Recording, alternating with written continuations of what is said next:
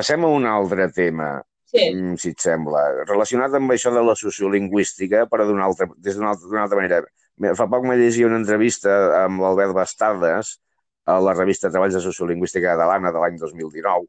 Eh, just li feia l'entrevista poc abans de que aquest home es jubilés de, de la universitat. I de, de les moltes coses que parla mm, i que esmenten, ha, cap al final de l'entrevista parla dels problemes de la ciència sociolingüística, no? I parla de, doncs, de que la sociolingüística catalana eh, a- a les universitats és una disciplina perifèrica. Sense anar més lluny, jo tinc una filla que estudia socio sociologia a la Universitat Autònoma i li he preguntat, eh, a la teva carrera hi ha matèries de sociolingüística? Diu, home, exactament no.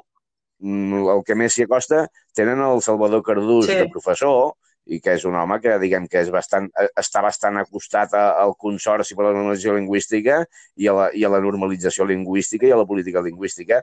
Doncs amb aquest senyor tenen assignatures en què hi apareix una mica el tema sociolingüístic, però no són pròpiament de sociolingüística.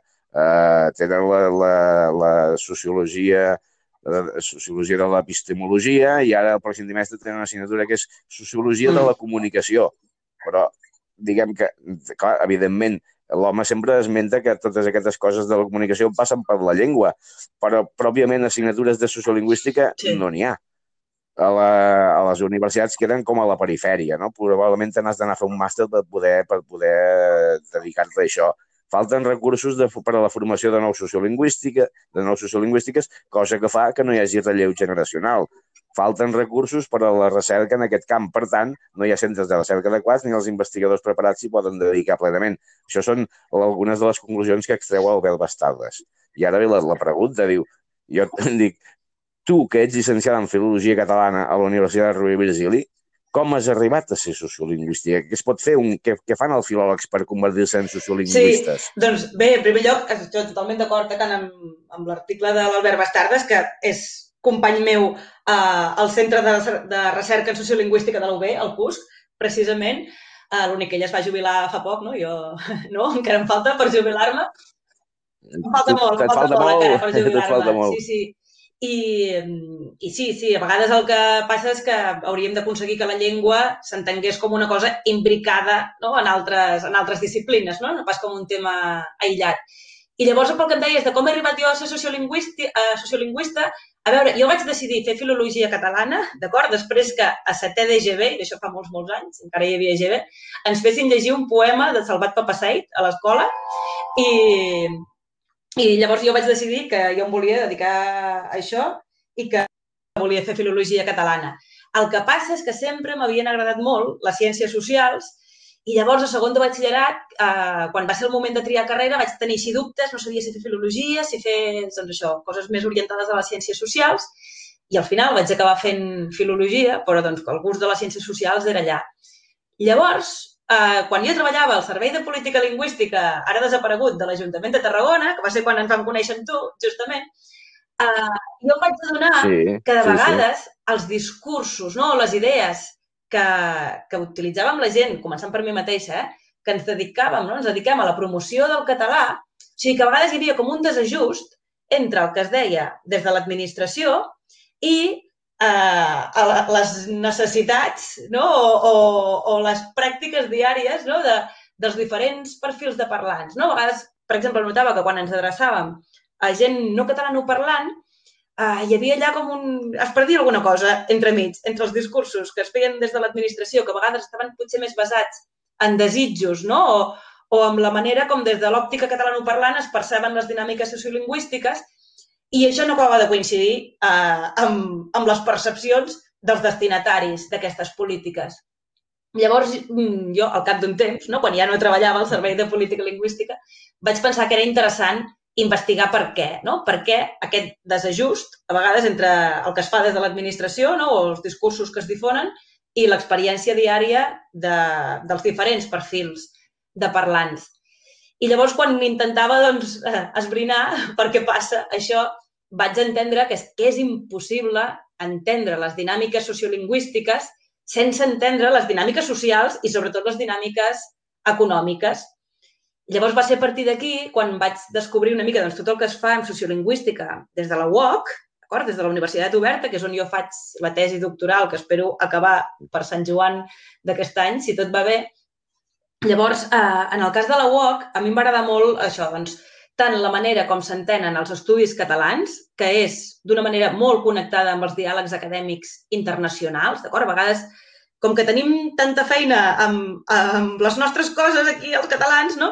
a vegades doncs, ens oblidem de llegir el que, el que passa en altres contextos. No? I, i la UOC em va agradar molt perquè, no? per aquesta visió tan internacional dels estudis catalans i, concretament, en el cas de la sociolingüística, que s'hi dediquen sobretot doncs, el Joan Pujolà i la Maite Puigdevall, que són els meus supervisors de tesi, um, ells es dediquen sobretot al que se sol anomenar la sociolingüística crítica, d'acord? que és uh, la branca de la sociolingüística que tracta sobretot de llengua i relacions de poder, però en majúscules. No? Llavors, clar, es tracten molt doncs, de temes de desigualtats, sí, sí. No? de desigualtats en l'accés a recursos, no? per tant, s'entén la sociolingüística molt des d'un punt de vista de la política econòmica.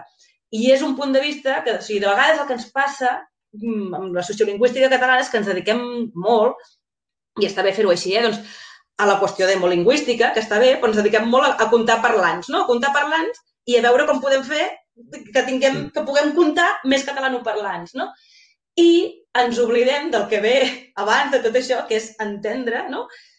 Per què passa el que es passa, però més enllà de les qüestions òbvies, no? doncs, uh, polítiques, etc etc, no? i demogràfiques, um, hi ha tota una sèrie de marcs teòrics, insisteixo, des de la política econòmica, que jo crec que ens poden servir molt eh, per entendre què passa a Catalunya. No? A partir del moment en què tu entens la llengua com un recurs que dona accés a altres recursos econòmics i simbòlics, eh, jo crec que això ofereix doncs, això, no? tot, tot un, un marc per pensar les dinàmiques sociolingüístiques d'una manera que va més enllà del que és doncs, comptar parlant. Sí, ara que em dius això, em recordo el tema de que fa uns quants anys eh, vam, vam tenir molt al davant el lema de la llengua és un mercat. I em sembla que, com dius tu, últimament s'han dedicat molt a estudiar, a fer les enquestes d'usos lingüístics, en qui parles i com parles i tal, i s'ha perdut una mica de vista aquesta referència de que al capdavall eh, les, les llengües serveixen també per fer els negocis i que, i que la llengua és un mercat en el sentit, en el sentit econòmic dels termes i que l'economia mm, es, es mou amb quartos però es, es, es tramita amb discurs i el discurs l'has de fer amb algun idioma o altre. I em sembla que això ara ho tenim una mica perdut sí, de vista. Sí, sí, exactament. I al seu torn les dinàmiques econòmiques van completament lligades amb les polítiques, eh? Sempre, o sigui, amb les dinàmiques polítiques. Sempre s'agafa tot des d'una òptica sí, sí. Uh, político-econòmica, no? I, de fet, i, mm, clar, diguéssim, les, Eh, actualment, no, des d'un punt de vista político-econòmic, eh, político-econòmic estem en la fase del que s'anomena no, el capitalisme tardà i, i això té conseqüències sociolingüístiques. No? O sigui, de fet, o sigui, el gran primer procés d'homogeneïtzació lingüística que va ser el dels estats-nació, que això va tenir lloc en els segles XVII i XVIII, va ser en una fase d'expansió del capitalisme, no? en què s'havia d'assegurar, no? hi havia diferents mercats sí, sí. nacionals no? de, de l'estat-nació, en aquest cas, i s'havia de garantir que, que doncs, tant les mercaderies com els capitals, com sobretot la mà d'obra, poguessin circular per dintre d'aquests estats-nació sense impediments lingüístics, no? I d'aquí ve. Eh, doncs, o sigui, no és casualitat que just en aquella època sorgeixin doncs, les acadèmies de la llengua, etc etc. Llavors, què ens va passar en el cas dels països catalans?